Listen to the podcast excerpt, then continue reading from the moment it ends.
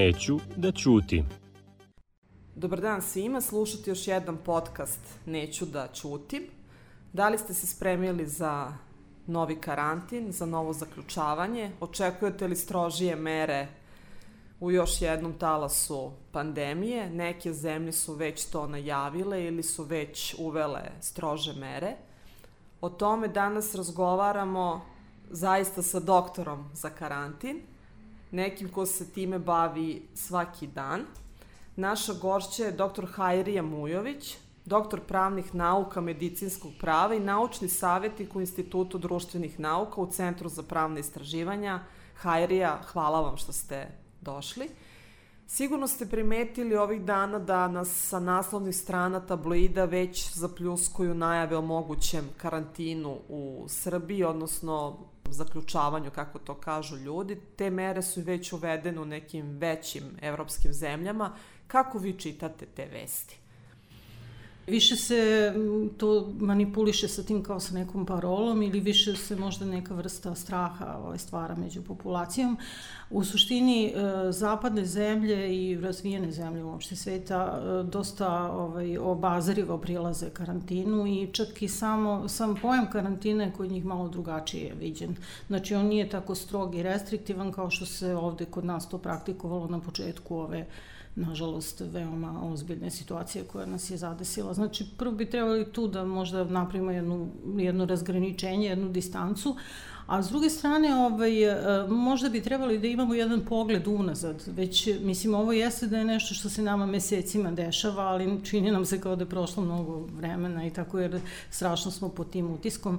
Ovaj, e, menjala se situacija i možemo možda do, e, izneti jedan zaključak da, da, taj, da ti početni karantini nisu toliko dali efekta, znate, jer mi smo se nekako kao da smo išli u krug i opet smo se vratili na neko mesto, tako da u svetu je sazrela svest u tome da ne treba ići na te jako restriktivne mere, nego da treba ići na mere koje pomažu stanovništvu, znači vrlo ovaj, mesto, mesto uskraćivanja prava i mesto neke, neke presije prema stanovništvu treba ići na to da mu se pomogne i da se podrška daje.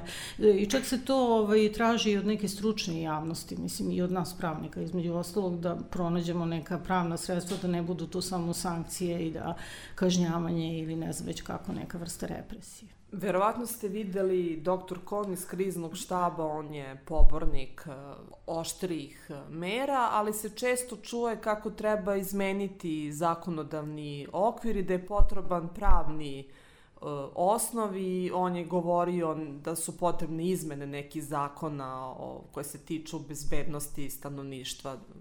O čemu je u stvari reč? Dakle, da li je moguće uvesti novi karantin i kakav karantin?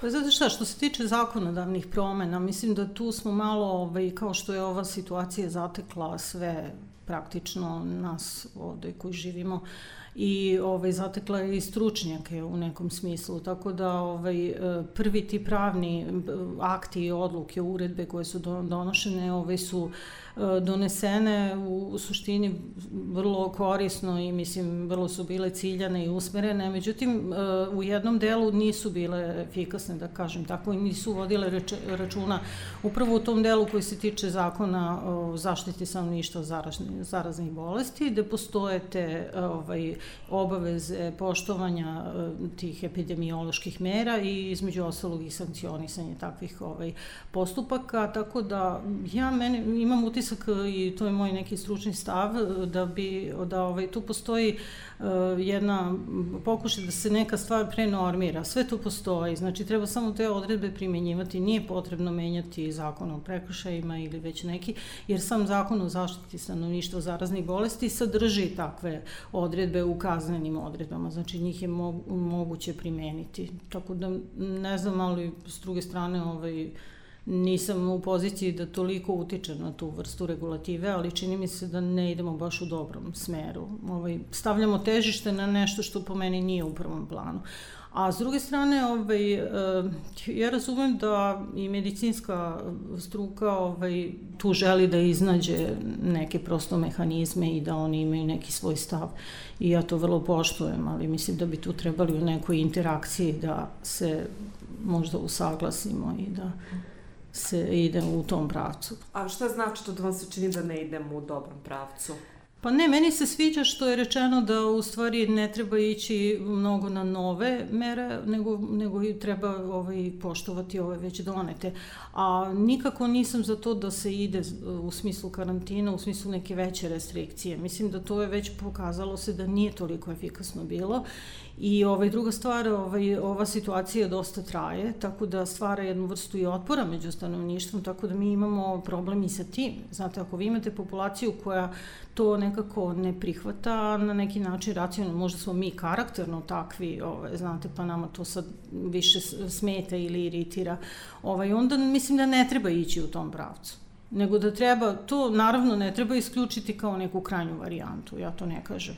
Ali mislim da nije težište na tome, nego da je težište upravo na ovome što sam rekla da se promovišu ponašanja i ja, ja imam utisak i kao, ne samo kao stručnjak, nego i kao građanin, da se nije prišlo sa onog aspekta da se više to prevenira i da se upozorava i onda da se možda iznose konkretni slučajevi kako se to desilo i šta se tu dešava. Onda da postoje neke akcije koje su među stanovništvom onako koje podržavaju neke manje zajednice ili možda e, lica koje su posebno osetljiva, znate, invalide, žene, starije i tako dalje. Mi smo imali čak situaciju da se recimo karantin uveo za starije od 65 godina što bi negde u nekoj razvinoj zemlji bilo u stvari kršenje prava starijih osoba, jer to je, ne može možete nikad karantin uvoditi po nekom takvom kriterijumu, nego isključivo po medicinskom, a ne po starosnoj granici, znate.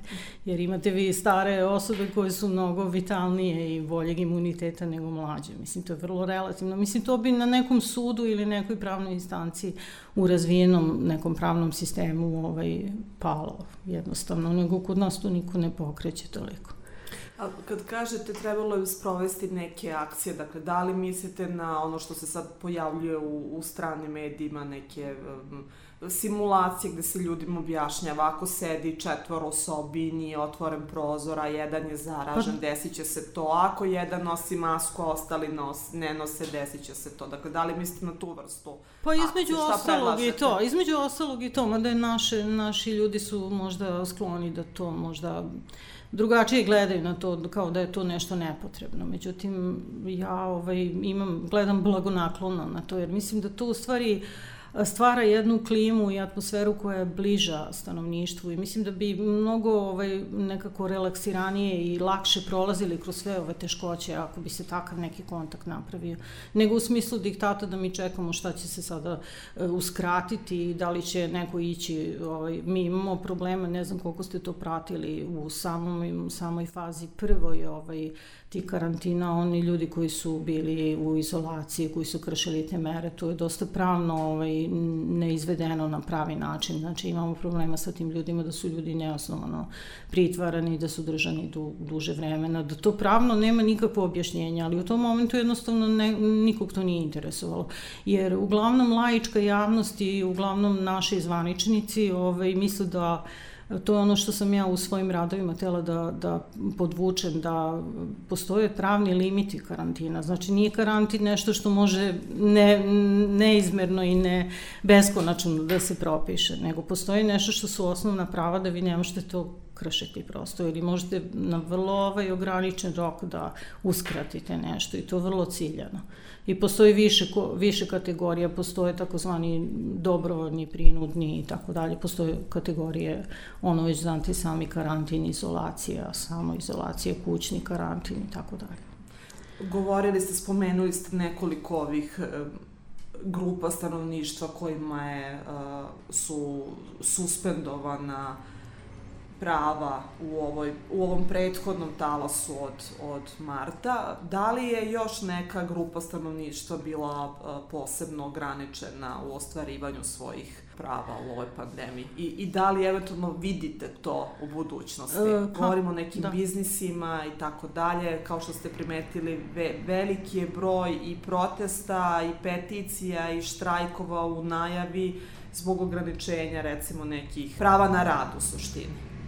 Da, ima tu, tu se sada, mislim, čitava ta zdravstvena situacija i kriza, ona pokreće niz, da tako kažem, pravnih pitanja i ovaj, stvoreni su izuzetno veliki problemi i sad jako je to i kompleksno i delikatno baš e, prići svakom i to što se tiče e, populacije stanovništva, tu vidimo veliki problem zato što i grupacija pacijenata koji nisu zaraženi, koji su znači redovno imali svoju zdravstvenu zaštitu, oni su bukvalno odsečeni i oni su došli u neku situaciju da ne mogu redovno svoje i terapije i operativne zahvate i tako dalje Ma koliko je bilo govora da će hitni slučajevi doći ovaj, na red, ja iz ličnog iskustva imam ove situacije da su dosta ljudi prolongirali i to vitalne neke intervencije i tako dalje. Tako da to u suštini sama pojava ove pandemije je bila dosta veliki udar na celo, celokupno stanovništvo. A onda imamo tu grupacije koje su posebno osetljive, vulnerabilne, koje su, mislim sad da ne nabrajamo ove, i invalide i e, obolele od redkih bolesti i tako tu imamo koje su na, naročito se na njih to projektovalo onda recimo mentalno zdravlje mi smo skoro imali svetska zdravstvena organizacija i uradila ona radi istraživanja u svim tim sferama međutim skoro je baš bilo upaljivo da je urađeno vezano za službe mentalnog zdravlja da je pao e, nivo usluga gde je dosta se stvari iskomplikovala po, u svim zemljama sveta, mislim i evropskim i tako dalje. Ja verujem da to mi nismo nikakav izuzetak od toga. Znači, to samo pokazuje jednu situaciju i ono što sam ja primetila, recimo, ovaj, e, mi smo u početku imali zdravstvene ustanove, pogotovo bolničkog tipa, koji su potpuno bile ispražnjene od pacijenata, jer se ovaj, prosto se strepelo kako će se stvar odvijati i ovaj, bukvalno ljudi nisu ništa radili. Tako da malo je to izgledalo kao neki, da kažem ovako, potpuno absurdna situacija da neko, nekome jako treba i hitno mu je neka medicinska usluga, a s druge strane bolnica je prazna. Mislim, tako da, mislim da tu možda u tom organizacijnom smislu nismo se baš najbolje snašli, ali naravno verujem da se stvar sad malo popravlja. Što se tiče uh, nekih uh, privrednih aktivnosti, to i tu se naravno jako to odrazilo, zato što imate već sama ta kategorija rada od kuće, pa onda imate ovaj, prosto neke privredne subjekte koji su morali da obustave rad, pa neki su radili po tim uslovima, znate koliko je bilo problema da su i sama da je zaraza ušla u neke privredne objekte.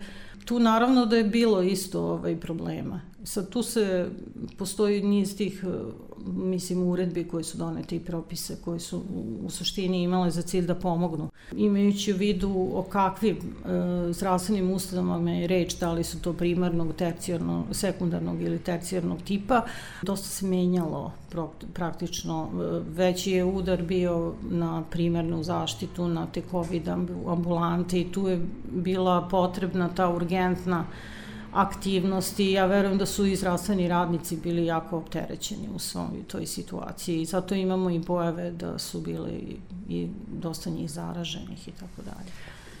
Da li nezadovoljni građani pacijenti imaju mogućnost prigovora, pravne zaštite i kome da se žale? Moramo krenuti od toga da mi inače imamo problema dosta sa ostvarivanjem pravne zaštite pacijenata. Praktično ta startna pozicija od koje smo mi krenuli, a ušli smo u ovako veliki problem, ovaj, nas već prosto obeshrabruje da uopšte govorimo o tome da li građani imaju. Formalno, pravno ta mesta postoje, zato što mi imamo uređen taj sistem po zakonu o pravima pacijenata, postoji sistem zaštite prava pacijenata. On je čak 2019. godine su izmeni i dopune zakona bile.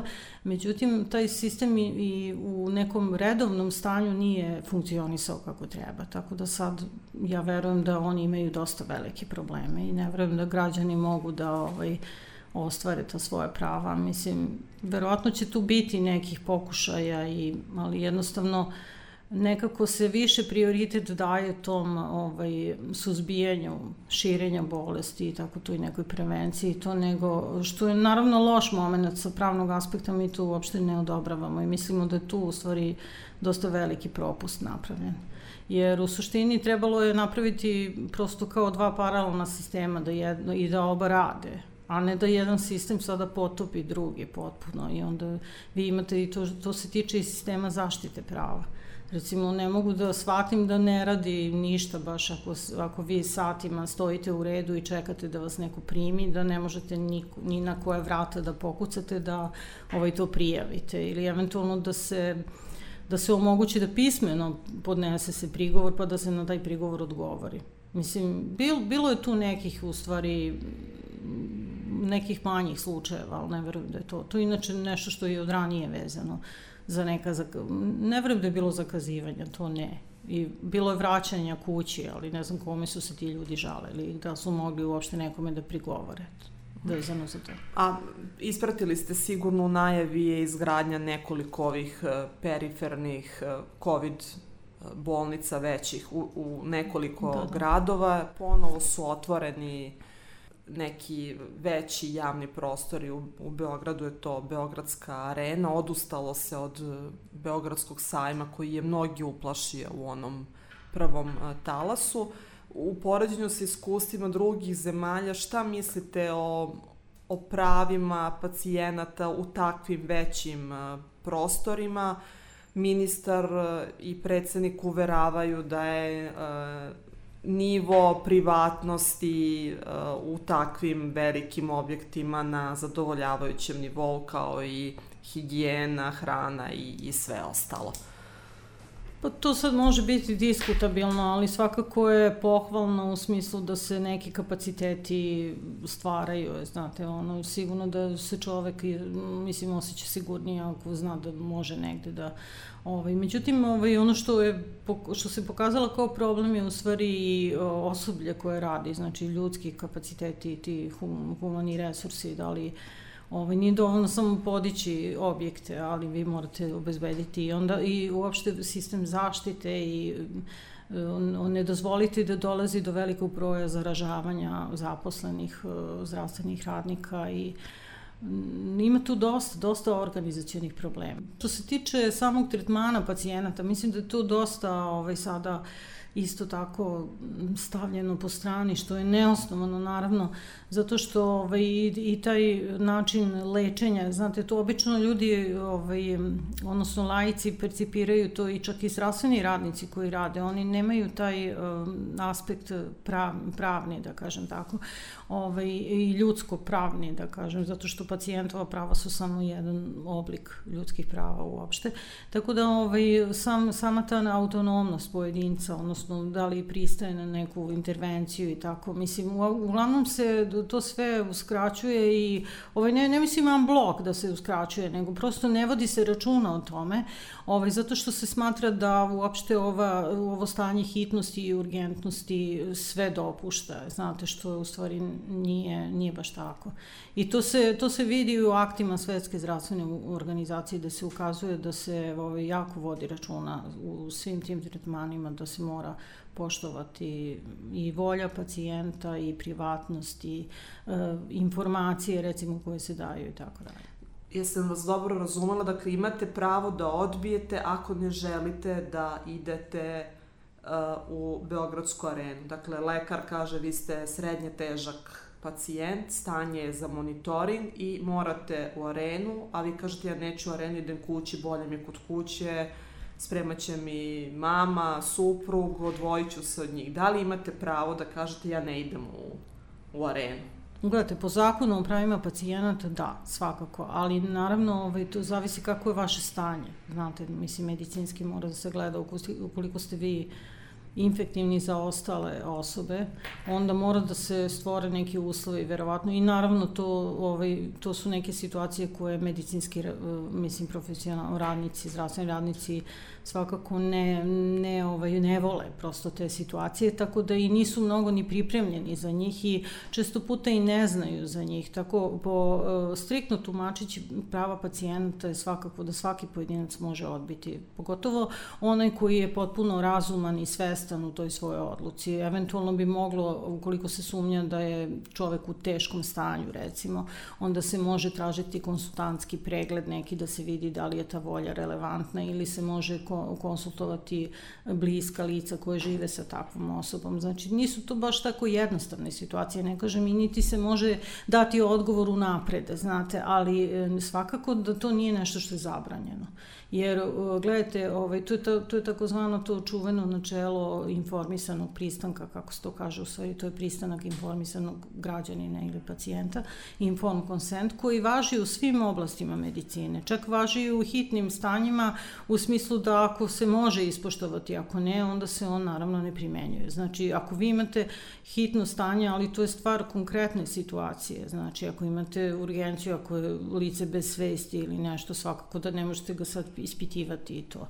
Možete naknadno pitati rodbinu ili eventualno saznati šta, šta bi tu bilo naj, ili, ko, ili u, u konzilijumu i tako dalje. Mislim, postoji čitav jedan algoritam takvih situacija, ali ne slažem se sa tim da se to potpuno ovaj, uskrati i da se uopšte ne vodi računa o tome. To je baš kršenje prava i to flagrantno. Mislim. Ali pretpostavljam, vraćamo se na ono što ste da. rekli na početku, da je bila potrebna obuka, informisanje građana, ne prinuda. Dakle, nije nam ideja da ljude odvraćamo da idu u bolnicu ako su Svakako, bolesni da. i zarazit će uh, eventualno ljude sa kojima žive i da treba da budu svesni u stvari rizika koje koje donosi vraćanje uh, da, da, ući da, da. u neku, prepostavljam da ste to hteli da kažete. Da, da, da, svakako i tu, ovaj, dakle, možda, nije možda ideja, nisam... Da. Nije ideja da se podstiče nepoverenje u zdravstvene institucije. Da, ili možda nisam bila sasvim mm -hmm. precizna, ovaj, zato što tu imate različite kategorije lica. Znači, imate neko ko je bio samo neki kontakt za koga se sumnja da, da bi mogao oboleti mhm. praktično. Mm -hmm. Imate neko ko je baš infektivan, koji je direktno opasno za okolinu. Taj svakako da mora da se podvrgnem nekoj prinudi. Mislim, tu su različiti tretmani, znači jedno je to, a drugo je ovo karantin je u stvari mera koja pogađa one koji su potencijalno zarazni, a ne oni koji su bolesni, baš sasvim. A izolacija je ono baš koji su bolesni. Znači, i naravno već hospitalizacija je opet drugi jedan termin koji naročito i po zakonu o zaštiti stanovništva zaraznih bolesti, građanin je dužan da se podvrgne toj intervenciji, odnosno da ide u bolnicu. Ne može on tu birati ako je stvarno takvo stanje da on, mislim da se procenjuje da mora biti u bolnici. I sad naravno ovde, pošto, su, pošto mogu biti situacije inače jako je ekstremna, znate i sami, može biti da nema dovoljno bolničkih kapaciteta, pa onda to opet neka vrsta trijaže, znate. E sad, naravno, ja nisam nešto pristalica mnogo te, te trijaže, ali nekad vas prosto situacija tera na to i onda se, onda se može od strane uh, ovlašćenih i medicinskih radnika, ali te odluke se uvek donose konzilijerno, nikad to samo jedan lekar ne odlučuje, može se lice poslati u kući, da, pogotovo ako ono izrazi molbu takvu, iako je njemu to zgodno ili šta znam. Mislim, mora, mora se više imati razumevanja iz samog građanstva, a naravno i građani treba da razumeju zdravstvene radnike, jer iskreno ni njima nije ovaj, lako i nije džabe ono što je na početku bilo da su stvarno heroji, međutim, opet ja kažem, ne treba pod tim herojstvom ovaj, tolerisati nešto što je stvarno nedopustivo. Mislim, imate situacije gde su, pošto igrom slučaja ovaj, ja imam rodbinu koja je iz uh, teritorije juga Srbije, gde su ljudi bukvalno vraćani kući sa, i to čak i sami testovi koji su rađeni nisu bili adekvatni, nego im je rađen test koji nije test pravi, nego samo I onda kad čovek prepušten je sam sebi, njemu vrlo teško da ovaj, pomogne sebi. I naravno da su rezultati onda loši. Um, sigurno ste čuli ovde u Beogradu ja nisam čula ni za koga da je dobio nalog o izolaciji skorije i da neko kontroliše da li ste vi stvarno u izolaciji. Po gradovima unutrašnjosti e, iskustva kažu da vas zove policajac povremeno u toku dana i proverava da li ste vi zaista kod, e, kod kuće u izolaciji. E, koje je mesto te i značaj te izolacije i poštovanja izolacije Ma da, e, ovaj, jako je bitno to odgovorno ponašanje samih pojedinaca i naravno naročito ti koji imaju razloga. Da, ja sam, meni poznato da su i u Beogradu ovaj, vršene takve vrste kontrola i to je naravno uobičajeno, mislim, i potrebno i ima svoju svrhu. I mislim da... Ovaj, Samo što to ljudi ne znaju i nisu edu, ali edukovani. nisu edukovani, dakle, a s druge strane... sa zakonom da vas zove policajac da proveri da li ste kod kuće. Da, ali znate šta, to se u početku praktikovalo uglavnom za ljude koji su dolazili, ovaj, koji su doputovali i tako, tako oni je. su kontrolisali, koji su prelazili granicu, granicu. i to. E sada, ovaj, mislim da tu isto malo postoji jedna, jedna prosto, jedan detalj koji kvari tu sliku, to je sve u redu. Međutim, vi kad neke ljude držite u takvom stanju samoizolacije, morate im stvoriti uslove da oni ispoštuju to. Znači, ne može se neko zatvoriti da nema nikakvu niti hranu, niti bilo šta, znate, niti nešto, da, bo, bilo kakav kontakt sa nekim, tako da onda su oni prinuđeni da krše to. Znači, ne može to tako samo da se kaže, ajde sad vi sedite tu i bit ćete tu i ne smete ništa, mislim. Znači, i to upravo Svetska zdravstvena organizacija, ona apeluje na to da se stvaraju i dobri uslovi karantina. Čak tu ima dosta, bilo je govora kod nas, to vrlo dobro znaju ovaj, lekari koji se bave javno zdravstvenim radom, kako trebaju biti uslovi tih uopšte objekata gde se smeštaju, recimo, gde se izoluju lica, koliko treba da bude rastojanje, koliko osoba može da bude u jednoj prostoriji i tako dalje. Koji su ti standardi prosto? Mislim da smo mi malo tu, više smo ovaj, fokusirali se opet na meru, valjda da li možda u tom nekom strahu da moramo brzo da delujemo i da se to brzo suzbije, ovaj, a nismo obratili pažnju na uslove te I onda naravno da tu dođe do neke ovaj, disonantnosti i razilaženja. Da. Spomenuli ste uh, i lekare Čuli smo, pacijenti se žale, nisu mogli da dođu na red, nisu ih primili, naročito ljudi iz uh, unutrašnjosti kojima je pristup zdravstvenoj zaštiti i inače ograničena, verujemo sad je još uh, teže. Šta je sa pravima lekara? Da li tu ima kršenje i kome oni mogu da se, da se žale? Ova situacija je tu dosta napravila isto problema. Zakon o zdravstvenoj zaštiti je dosta regulisao ta pitanja i ovaj, tu postoje instance koje se bave pravima lekara. Međutim, ovaj, čini mi se da u praksi je to dosta rađeno isto po nekim direktivama i korište, upotrebljavani uglavnom su davana rešenja zakona o radu, ovaj, gde se tražilo premeštaj sa, iz jedne institucije u drugu, gde nije bilo toliko ovaj, sluha za one koji to ne žele recimo ili koji nego prosto je to rađeno po jednom automatizmu. Sad ja ne mogu da ulazim u to koliko je to bilo osnovano, ali mislim da pravno nije bilo dovoljno ovaj, potkrepljeno, da kažem tako. I onda imali smo probleme isto sa, ja sam došla do nekih saznanja da su zdravstveni radnici koji su bili inficirani, da, su, da je tu isto bilo dosta ovaj, problema u vezi sa njihovom kompenzacijom, odnosno plaćanjem bolovanja da su se istraživali neki momenti da, gde su zaraženi, kako što malo ipak degradira, jer oni su ovaj, dosta već sami bili pod stresom i dosta su radno bili ovaj, veoma opterećeni, da sad još se bave time, mislim svakako da se to primarno mesto bilo da rade, da mogu doći do, do, tako, do infekcije i do zaraze. Onda naravno da ne pričamo sad ovaj deo koji se tiče zaštitne opreme, svakako da ova situacija sa pandemijom je dosta zatekla jer Ja ne verujem da jedna redovna ovaj, bolnička ustanova ima baš toliko zaštitnih e, sredstava i da iko mogao, mada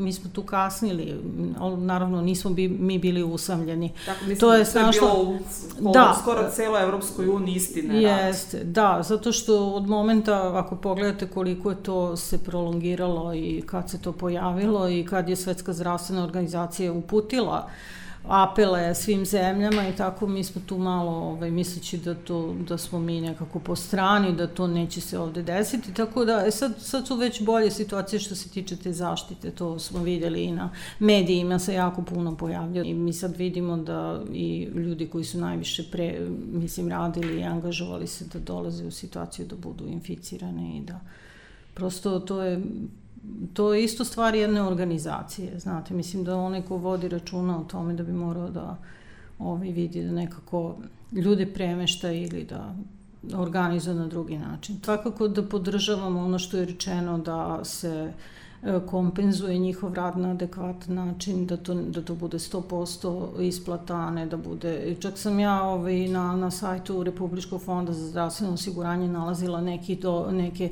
neka upustva zdravstvenim ustanovima da prosto trebuju za svoje obolele e, radnike e, određena sredstva da bi im se to isplatilo ili da iznađu iz svojih sredstava da isplate, a oni to u suštini nisu činili. Mislim, to sam prosto došla do te informacije što nije u redu, ja mislim, znate. Kome lekari mogu da se obrate?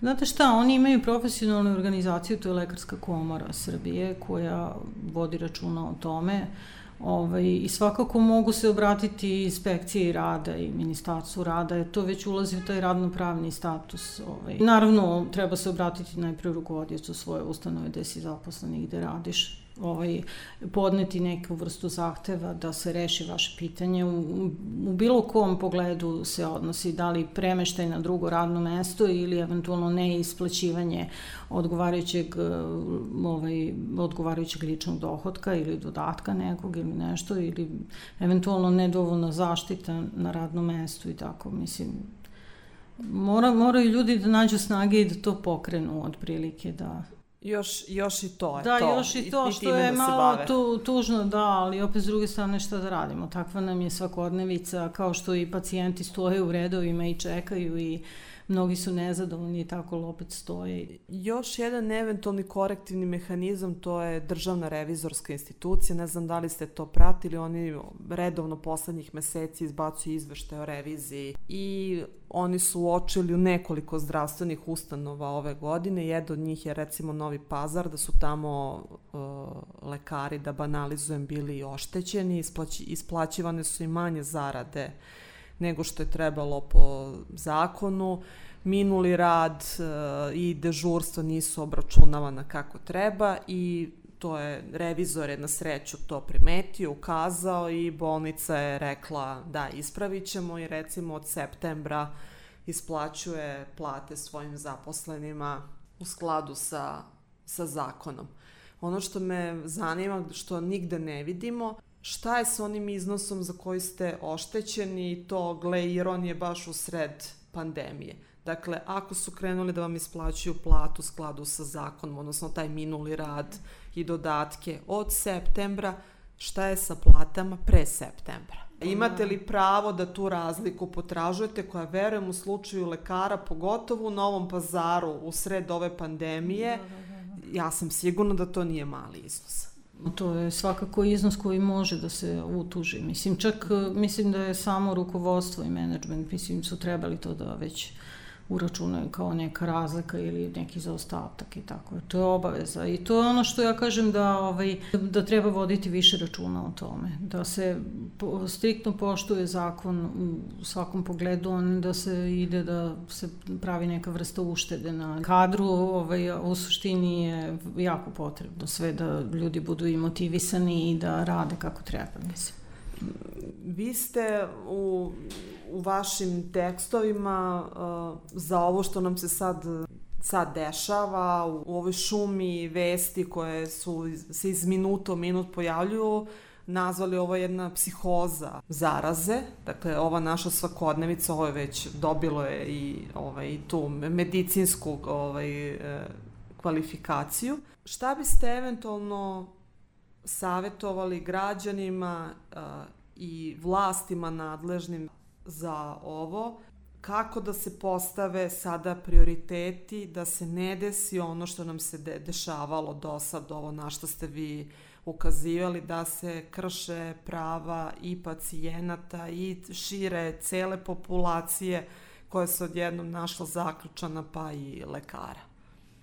Da, to je dakle, sorry. evo sada da ste recimo u, u, u timu, u kriznom štabu, šta biste im savjetovali? Moramo prosto da svi iznađemo snage da malo unormalimo situaciju, da kažemo da eto ako smo, ako smo već mogli da prihvatimo tu neku početnu i i nesnalaženje i neku, neku vrstu i straha i psihoze i tako dalje. Mislim da ova situacija već suviše traje, mislim, određeno vreme, tako da mislim da, da ovaj, prosto ti ljudski kapaciteti treba da se mobilišu svi, znate, i to na svim stranama, ne samo to samo medicinski, nego prosto jedna vrsta sinergije. Da. A šta znači to pomoći stanovništvu konkretno? Pa ja mislim da to, to je rad u svakoj zdravstvenoj ustanovi praktično. Mislim, nije to možda i bolje rad na preventivi i tako, mislim, prosto razgovor veći sa stanovništvom i to da, ne, da prvo taj pristup je jako bitan. Jer ne možete vi, ako, ako nemate pravo na pristup, da ne možete prijeći zdravstvenoj ustanovi, onda isto tako možda to, to vrsta neka testiranja ili vrsta edukacije eventualno ovaj, mora se objasniti građanima šta znači to. Neko misli ako je sada testiran da više ono kao ne mora vodi računa, on je negativan i tako, eto sad sve je dobro, znaš i tako, mislim. Ono, I može u kafanu. Da, može u, u restoran ili ne znam je šta.